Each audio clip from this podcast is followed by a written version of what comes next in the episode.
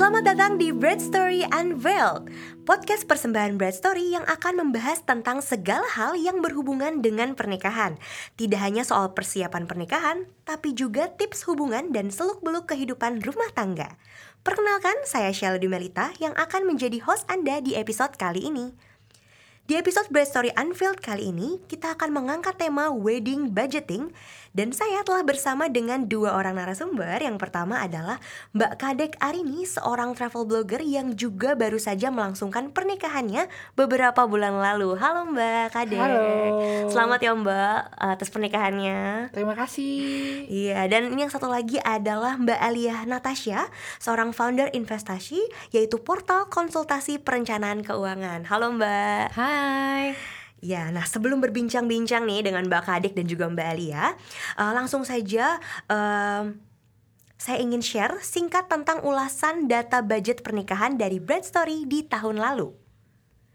Dari survei yang Bread Story lakukan, dana yang dikategorikan terjangkau oleh responden adalah sekitar Rp325.000 per tamu, sedangkan pengeluaran yang dianggap layak adalah Rp650.000 per tamu. Budget Rp1.500.000 hingga Rp5 juta rupiah per tamu dianggap responden sebagai pernikahan premium dan mewah. Berikut adalah perkiraan total dana yang dihabiskan tamu jika berdasarkan pendanaan terjangkau. 40% dari dana Anda sebaiknya dialokasikan untuk venue dan juga catering, sedangkan prioritas kedua sebaiknya dialokasikan untuk dekorasi dan busana pernikahan. Kira-kira seperti itulah ya para Breads to be itu gambaran tentang alokasi dana pernikahan yang disusun oleh tim internal Bread Story. Sekarang kita mau langsung aja nih ngobrol-ngobrol sama yang sudah mempraktekkan alokasi budget ini.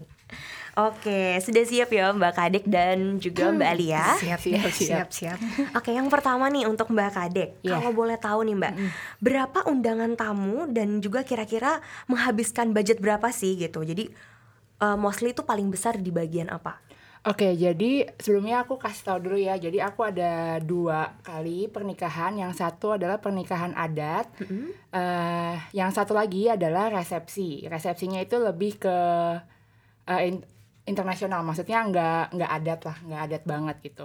Kalau yang adat itu kebetulan kan kita acara di rumah. Jadi ngundangnya cuma kerabat terdekat dan teman-teman tamu orang tua. Oke. Itu undangannya sekitar 100 orang. Oke, 100 orang terdekat ya. 100 sahabat. orang terdekat. Terus kalau yang di eh, resepsi, yang di hotel, itu aku ngundang 80 undangan doang. Dikali Oke. dua, dikali dua, jadi Ya, ya 160 160 ya. Kalau yang budget yang adat itu sekitar eh, 100 sampai 120 juta. Oke. Kalau yang budget yang apa yang di hotel yang aku bikin resepsi itu, resepsi teman-teman, itu sekitar 200 sampai 250 juta.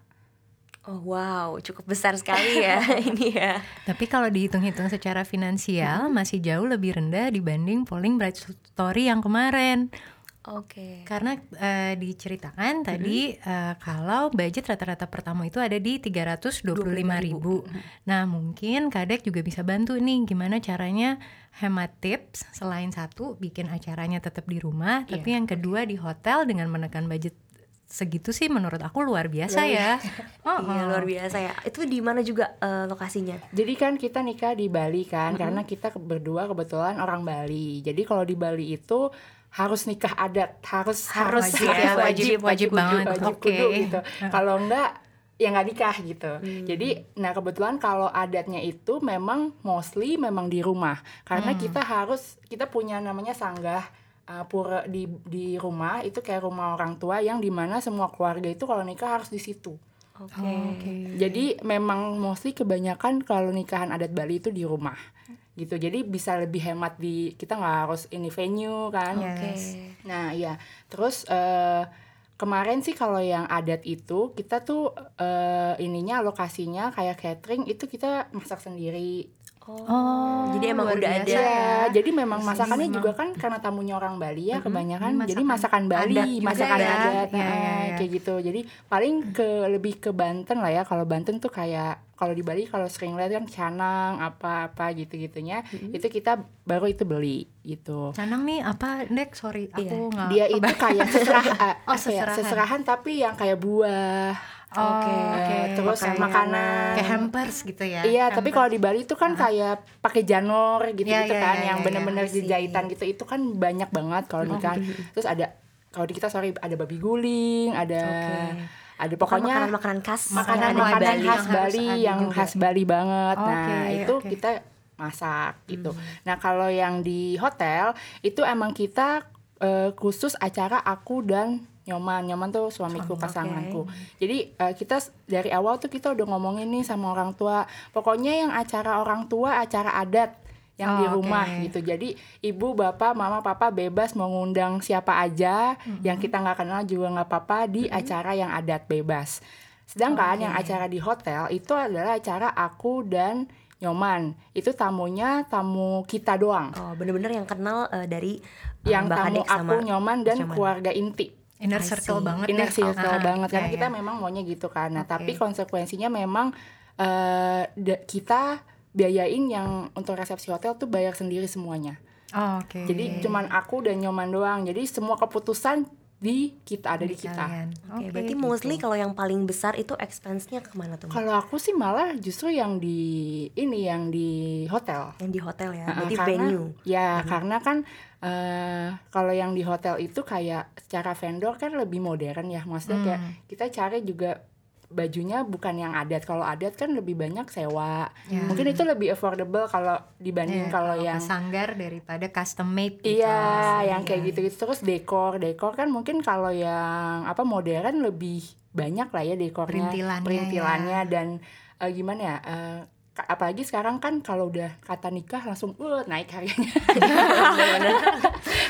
Tinggi menjulang Iya, tinggi. Nah, iya. sejak kapan sih Mbak Kadek ini mempersiapkan budget gitu Hmm. dan gimana kalian itu menyisihkannya? Oke, eh, kita total aku pacaran dua setengah tahun kan, Oke, terus langsung tahun. langsung niat mau nikah eh, langsung dua tahun. Jadi aku nyisihin dua tahun. Eh, kita per bulan ada satu tabungan bersama. Oke. Jadi ada satu tabungan bersama per bulan chip in aja. Jadi setiap bulan pokoknya misalkan sejumlah segini ya 4 sampai 5 juta. Jadi aku ngasih di tabungan itu Oke. pasanganku ngasih juga gitu. Oke, yang penting udah komitmen. Udah komitmen. Dan Ah. untungnya sih ke kumpul sampai Oh gitu ya, luar Sampai dua biasa tahun. loh. Apalagi kan maksudnya sekarang di eh, zaman sekarang ini kan masih kerjanya eh, kantoran, itu kan kadang sulit ya menyisihkan gitu. Tapi kalau memang ada komitmen, dari Komitmen, keduanya benar, untuk benar. benar-benar setiap bulannya, berarti bisa ya Mbak ya? bisa. Bisa, luar biasa. Nah kalau dari Mbak Alia nih Mbak, dari mata seorang pengelola keuangan nih Mbak, langkah awal paling penting apa sih yang harus pasangan lakukan ketika kalau misalnya kita mem- mempersiapkan budget pernikahan?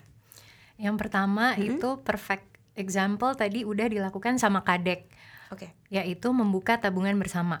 I see.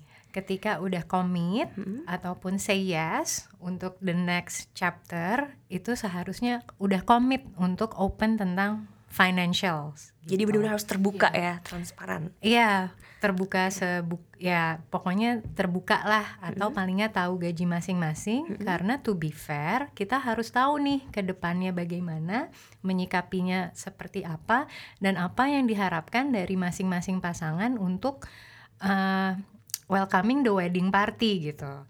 Karena biasanya on a wedding kan yang jadi senternya nih selalu pengantin perempuan Bridesnya, ya betul. kan. Nah, jadi kita punya kecenderungan sendiri nih tentang menjadi seorang bride instead of groom. Jadi kesannya hak, hak benar, dan benar. kewajiban. jadi kayak kewajiban groom adalah menerima apa adanya, keinginan perempuannya, ya kan? Harus. Dan harus bisa merealisasikannya. Oh, betul. Itu itu kayak eh, rahasia alam lah gitu, kayak hukum alam yang tidak tertulis kalau seperti itu. Padahal kan it's about two gitu. Bahkan sebenarnya ini adalah stages pertama kita belajar menyatukan dua keinginan jadi satu. Dan finansial itu adalah hal yang paling sensitif yang seharusnya terbuka dari sejak sebelum nikah. Dari Benar. semenjak awal pacaran bahkan Yes, ya. eh, ya. Kalau udah pacaran, su- iya, kalau kalau udah niat gitu. pernikahan dan memang harus menyesuaikan juga ekspektasinya ya Ya, ya masa iya kalau baru mulai kerja tapi udah tahu nih pasangannya yang mana, gaji kalau baru mulai kerja terus pengen Iya. wedding impiannya ekstravagan kan juga Sulit. eh, ya. nanti lama dilamarnya kan bingung juga. Nah, Mbak Lia kalau misalnya eh, dari eh, pekerjaan masing-masing nih dari pria dan wanita, kira-kira mengambil berapa persen sih gitu dari pendapatan eh, pasangan tersebut gitu setiap Nah, bulannya? Yang namanya financial planning termasuk dalam memplanning sebuah wedding itu tidak ada patokan pasti berapa persen. Oke. Karena ketika aku bilang persen, misal gaji gaji kita misalnya 10 juta. Mm. Oke, kalau aku bilang oke, 40% taruh ya gitu, 4 juta. Tapi kalau syukur-syukur dapet pasangan gaji misalnya 50 juta gitu. iya. Disuruh taruh 40%, 20 juta, terus kalau dia udah exit the expectation atau masih lebih kurang gitu gajinya di situ kan nggak adil. Jadi yang pertama dihadapin adalah harus kompromi, bukan persenannya, berapanya yang mau diikhlaskan nih, ditaruh nih di tabungan yang nantinya kita menikah. I see. Cuma sebelum membuat eh, mengalokasikan berapa persentase ataupun sejumlah itu, justru yang harus kalian lakukan sebagai pasangan adalah melist down semua biaya yang dibutuhkan. Oke, Baru dari detail situ, ya, ya. oke kita punya jangka waktu berapa lama? Ini ideal banget nih kadek punya dua tahun ya. Kamu udah nabung dari dua, tahun, tahun, gitu. Cuma kan kadang ada yang tiba-tiba kayak setahun jangka waktunya dari apa ngelamar sampai mau nikah gitu kan jangka waktunya lebih pendek. Nah itu bagaimana mengatur semua porsi itu. Jadi yang pertama harus dilakukan kalau memang mau melakukan pernikahan adalah melist down dulu kira-kira biayanya berapa nih. Kira-kira aku sanggup nyisihin berapa gitu. Oke, jadi apa aja yang diperluin dan seperti apa sih uh, wedding yang emang diinginkan oleh keduanya Yes. gitu ya Mbak ya. Yes. Nah kalau tadi kan memang uh, membuat tabungan bersama gitu kan. Tapi apakah lebih baik misalnya gini Mbak, uh, misalnya groom nanti bayar venue-nya gitu, nanti uh, yang bride-nya bayar cateringnya gitu, atau vendor dokumentasinya. Nah kira-kira sistem mana yang lebih baik gitu? Kalau menurut aku enaknya punya satu tabungan itu semuanya udah tercapture. Oke. termonitor dan udah nggak ada nih. Di sini adalah pelajaran pertama it's our money. Udah bukan tugas kamu bayar yang ini ya tugas aku bayar yang ini ya. Di sini kita decide uang kita nih sama-sama enaknya prioritasin bayar yang mana karena tiap vendor punya termin yang beda Betul. ada yang oke dibayar setelah acara wedding, ada yang harus full payment before the day. Seperti itu. Jadi I think it's a really good exercise kamu sebagai about to be couple, official couple, ini untuk latihan untuk menentukan satu priority, dua menyadari kalau ini uang bersama. Oke, jadi memang menyadari ini uang bersama, tabungan bersama. Jadi semua keputusan bersama juga ya Mbak. Ya. Udah nggak bisa sendiri-sendiri lagi Mungkin begitu ya bisa cerita tuh kemarin kan dia udah punya nih si one account ini dulu kamu decide one account Mm-mm. karena eh, pasanganku itu nggak bisa nabung Oke. jadi dia itu harus kayak dia tuh sedangkan aku aku lebih lebih aware lah tentang masalah finansial Financial, dan ya. apa pun itu jadi aku ngerasa kalau nggak dipaksa dia nggak akan bisa gitu. Jadi Ah. jadi eh, kita waktu itu hitung budget eh, kita berapa mau nikah kayak kayak Mbak Lia bilang pokoknya kita budgetnya segini ya. Nanti kalau kelebihan maksimum kelebihan 30% nggak boleh lebih gitu. Jadi kita siapin waj- eh, budget sekitar segitu. Nah dibagi deh selama berapa tahun deh kita mau nikah. Dua tahun lagi lah ya. Dibagi dua tahun. Oke per bulan segini. Bisa nggak? Bisa Nah, ya. kan that's the good discussion untuk sama-sama punya wedding party yang oke. Oke, yang penting komunikasiin semua dan terbuka semuanya ya. Yes. Oke Mbak Kadek kalau misalnya gini di Indonesia kan lazim banget nih Mbak orang tua itu mensupport lah ya semuanya ba- atau mungkin sebagian biaya pernikahan. Nah bagaimana dengan Mbak Kadek sendiri bisa ceritain dong sedikit involvement apa apakah ada sedikit involvement gitu dari orang tua terkait Kalau di kita, kalau di, eh, kalau di adat Bali ya, memang kalau di adat Bali itu orang tua yang bayar pernikahan adat.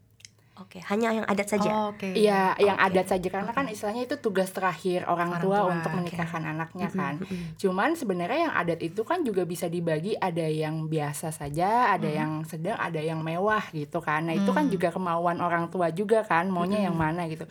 Kalau aku sih aku bilang sama orang tua nggak usah yang terlalu heboh-heboh banget lah gitu. Yang adat biasa aja. Nah, kebetulan yang adat itu orang tua yang bayar untuk eh, kayak si Banten terus acara-acara yang ngundang eh, catering gitu. Nah, bagian yang kalau aku lebih ke dekor, foto sama baju, Oh, Oke. make dan make up. Karena itu kan aku yang Apa pun ngerti. yang nempel ke kamu lah ya intinya Semua ya. tentang brides, ya Ah, brides yang menentukan. Oke. Nah itu aku baginya kayak gitu Jadi Hmm. paling yang nempel ke aku Benar kembali Yang nempel ke aku itu aku yang pilih sendiri Vendornya aku yang Kita yang bayar gitu Maksudnya Yang bagian yang kayak lebih ke adat Upacara Itu kan aku kurang paham Ritual dan Oke. tradisi, Ritual dan tradisi itu udah itu jadi orang kewajibannya orang tua. Orang tua. Orang tua dari kedua Nah, belah iya. pihak atau Kedua belah atau pihak salah satu? Oh, Kedua oke. belah pihak Nah yang untuk yang resepsi itu eh, kita bilang nanti yang resepsi biar aku dan Nyoman aja yang bayar gitu. Jadi yang resepsi yang undang tamu orang tua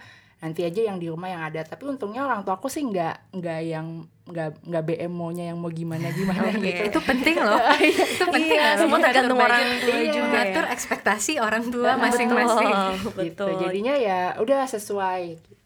Jadi bener-bener uh, saat resepsi yang di hotel tuh bener-bener udah Bener-bener nggak ada campur bener- tangan nggak ada campur tangan orang tua lagi ya. gitu. Oke, luar biasa. Pengen tahu aja akhirnya over budget nggak? Iya. over budget karena iya over budget karena Oh, menurut oke. aku kayak over budget itu pasti sih karena kan banyak hal yang pengen ini Iya, pengen itu tapi tidak ternyata puas, ini ternyata pengen- itu Oh, gitu oke. Tapi masih di under 30% yang tadi kamu Iya, bilang. Oh, jadi oke. aku aku merasa kayak over budget itu normal lah karena kan Hmm. kita juga nggak bisa mengira-ngira kan si vendor baju ini berapa yang kita pengen vendor foto ini ternyata lebih mahal yang lebih murah kita nggak dapet kita kan bisa aja kayak gitu Iya, kan iya. cuman aku selalu bilang eh, aku set sama si pasangan aku Hmm. pokoknya over budget 30% ya kalau lebih dari 30% mendingan kita cari vendor lain aja gitu atau ikhlas dengan yang ada ya. Betul. Apalagi ini Oke. kan satu kali seumur hidup jadi bener-bener harus yang harus yang spesial, harus yang terbaik lah ya. Oke, dan Mbak Alia nih Mbak, jika kalau misalnya memang ada nih eh, dari eh, keluarga atau saudara yang ingin memberikan sumbangan gitu kan. Nah, sebaiknya calon pengantin itu meminta berapa sih gitu sehingga gak ada gitu perasaan yang berhutang seperti itu nantinya. Kalau kayak gitu mendingan di discuss Oke. memang seberapa ikhlas nih Mm-mm. orang tua. Kalau case-nya kadek kan memang nih acara adat gitu. Iya.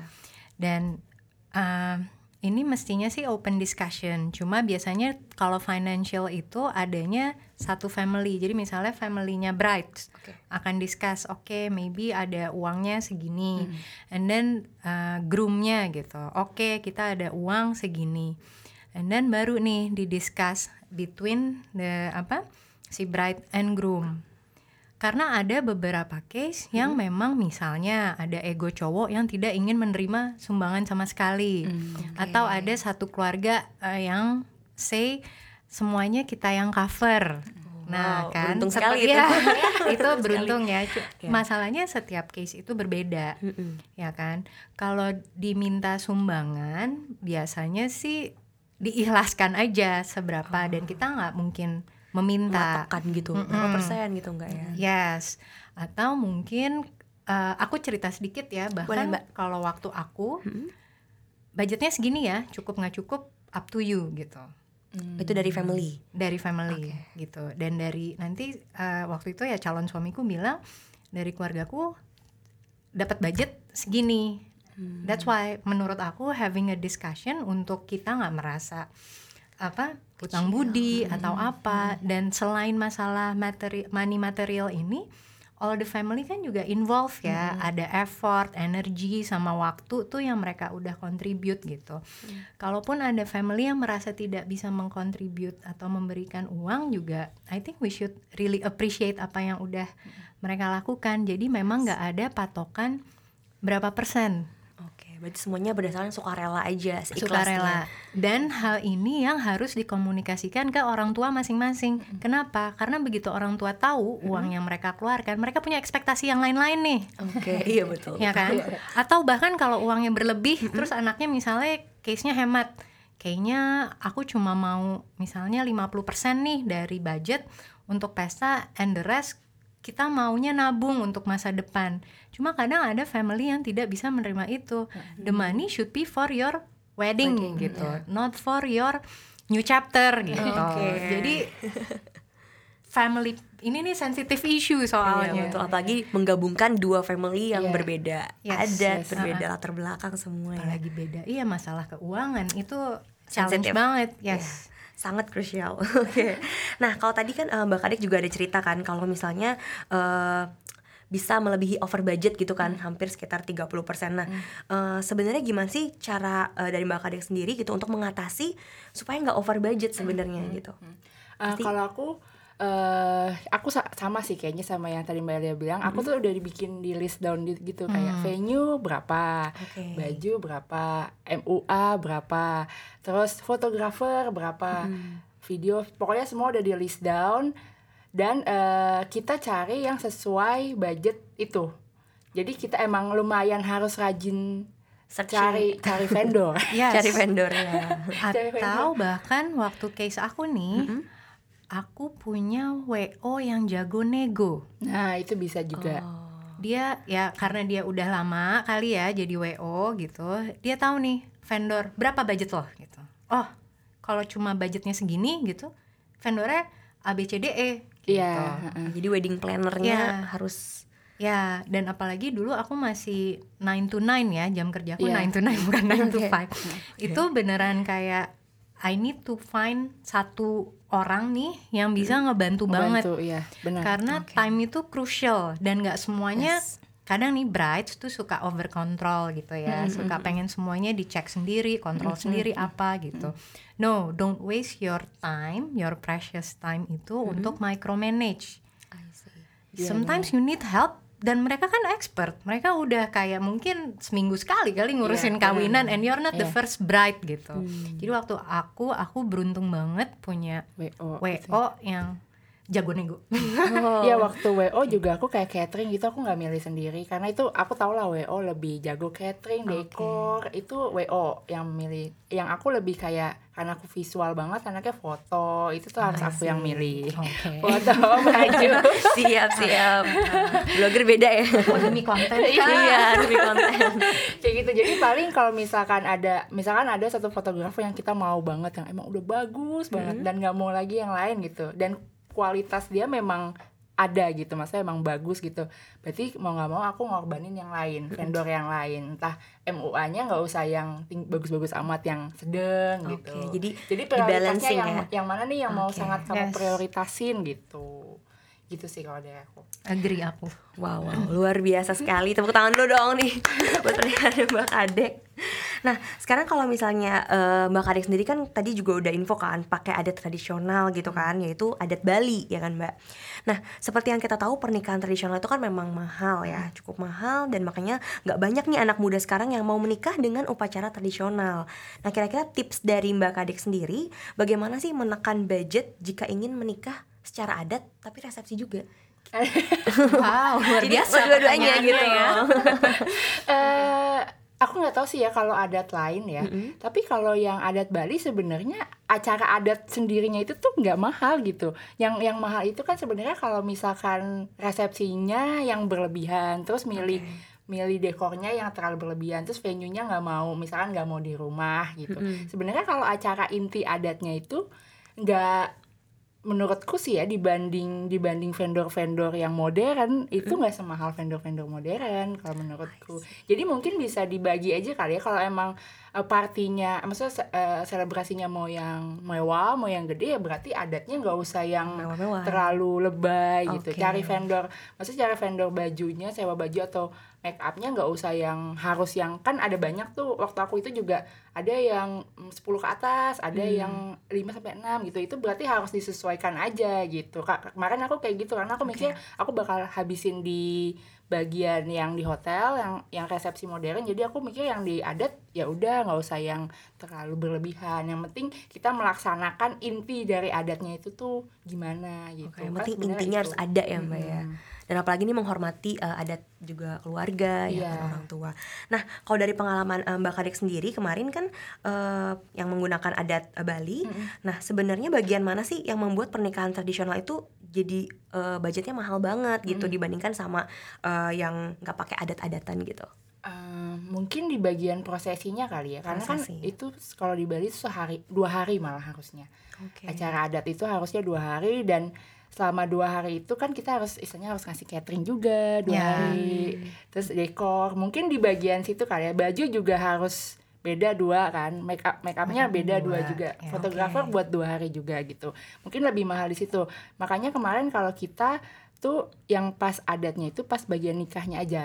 Jadi yang pas jadi kalau di Bali itu eh, ada ngidih itu sehari sebelum adat jadi kita ngidih waktu itu di Jakarta aja di rumah dan nggak bener-bener nggak di nggak dirayain heboh gitu cuma di rumah aja. Fotografer juga cuman fotografer teman aja yang acara di rumah doang nggak ngundang-undang cuma ngundang teman-teman Bali doang.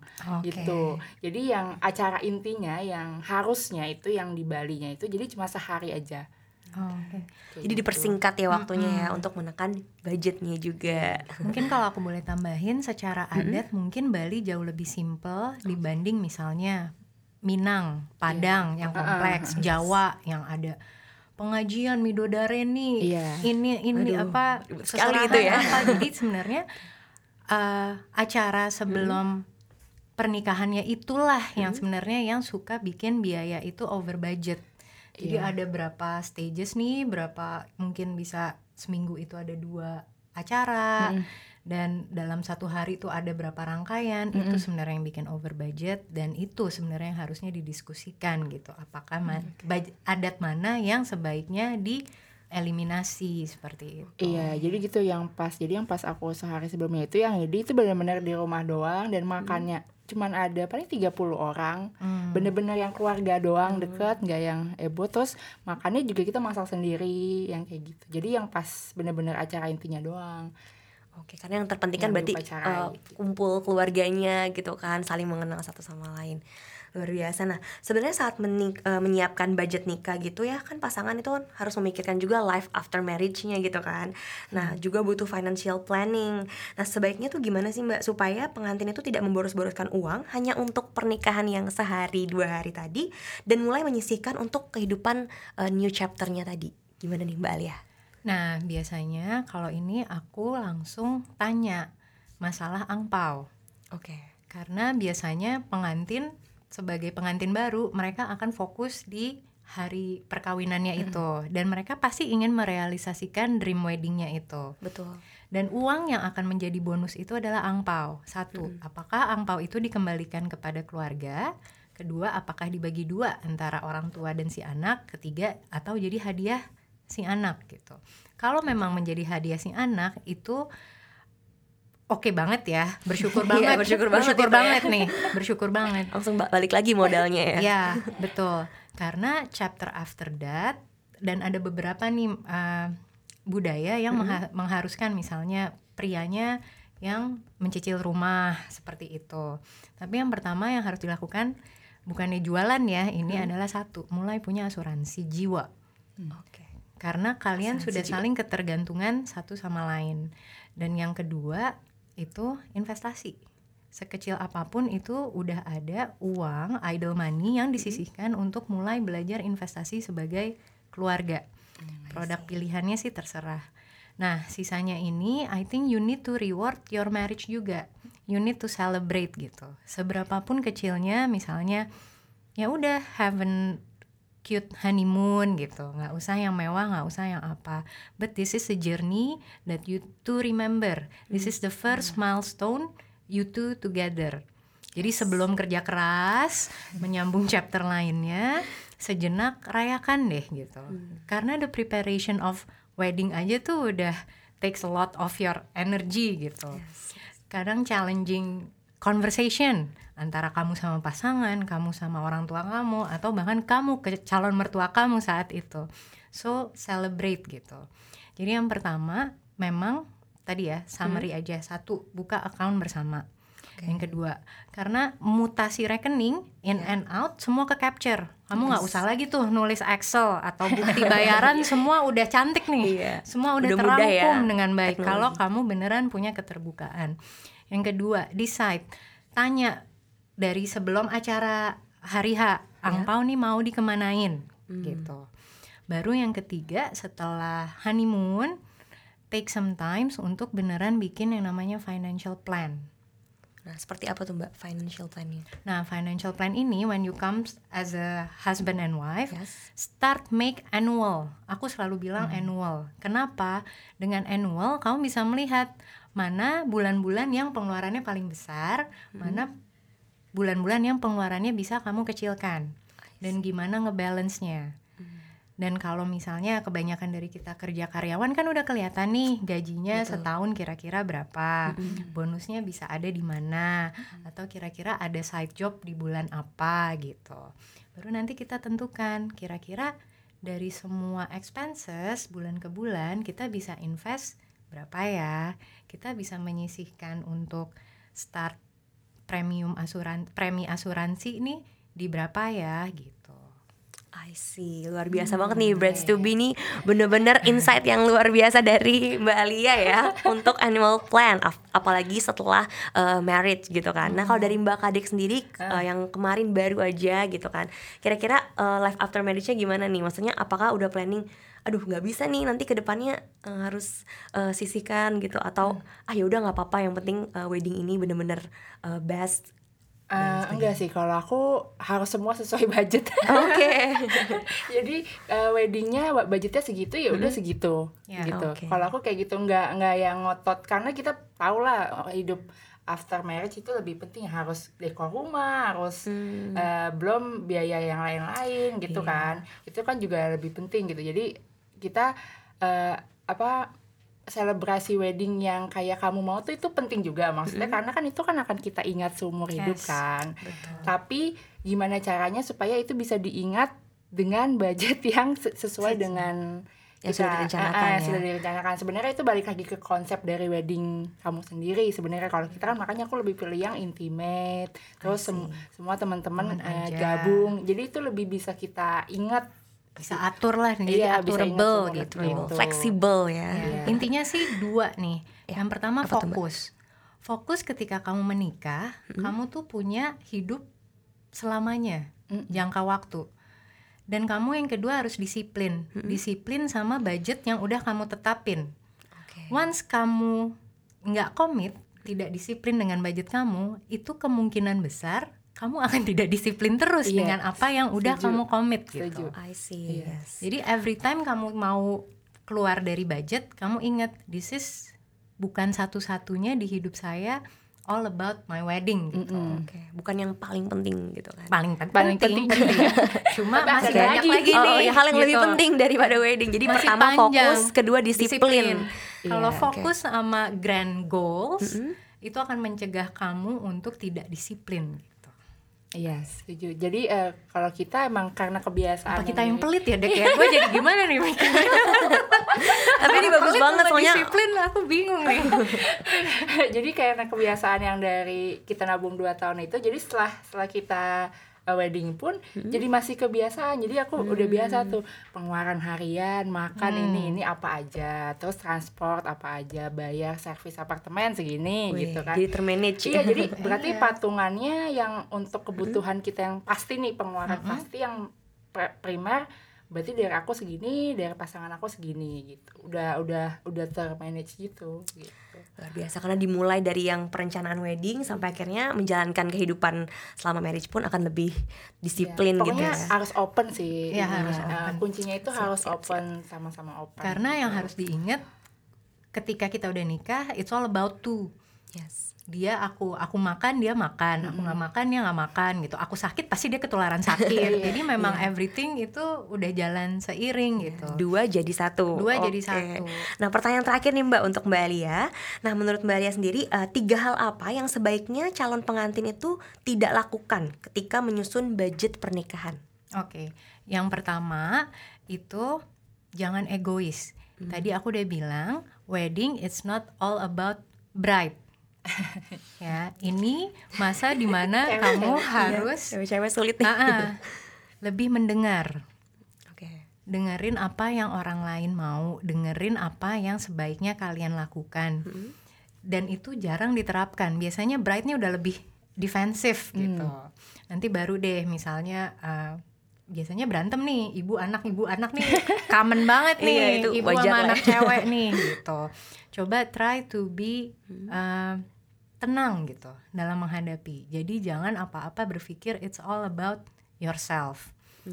Nah, yang kedua itu jangan sampai over budget.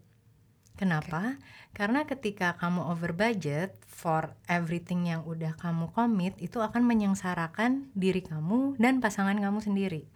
Ketika over budget, hal tercepat yang bisa dilakukan seorang itu adalah berhutang Mm-mm. betul betul. Ya termasuk dengan pinjaman-pinjaman online ya kan? Dan gimana menyiasatinya? Can you imagine kalau your first few months being married to someone omongannya adalah hutang? Nggak enak banget kan? Kayak bulan pertama aduh utang Belum bayar kawinan utang. kita nih belum. Aduh, kawinannya udah selesai. kawinannya Iya. udah selesai nih tapi masih ngutang gitu. Yang ada the first few months kalian juggling kalian stres loh masalah uang gitu. Just, dan yang ketiga adalah uh, be more careful gitu. Dalam mengambil keputusan please be more careful dengan apa pun pilihan kamu. Karena ini harus menyatukan tadi. Aku selalu nulis nih ya kalau ada temanku nikah aku bilang apa tuh mbak? To become one. Two is greater than one, ya kan? Greater the love and greater the challenges. Jadi nggak cuma cintanya aja nih yang dua jadi satu, tantangannya, ribetnya, segala macam baik buruknya itu jadi dua.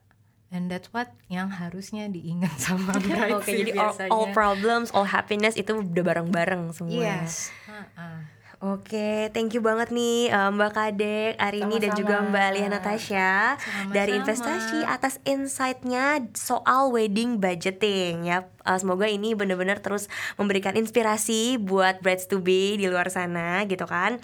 Eh, pastinya apalagi mereka yang mulai merencanakan hari spesial mereka bisa sangat terbantu karena budgeting adalah hal yang sangat krusial ya Mbak ya. Oke, nah buat para calon pengantin di luar sana dan sedang pusing nih memikirkan bayar-bayaran vendor, mungkin bisa juga dicoba solusi pembayaran dengan Bride Story Pay yang bisa eh, dilakukan cicilan 0% hingga 24 bulan. Vendor-vendor yang sudah bekerja sama juga banyak banget dan beragam. Bisa langsung cek di breadstory.com slash bsp. Terus tonton untuk mendapatkan inspirasi dan insight seputar pernikahan. Saya Sheila Dumelita, pamit undur diri. See you and bye-bye.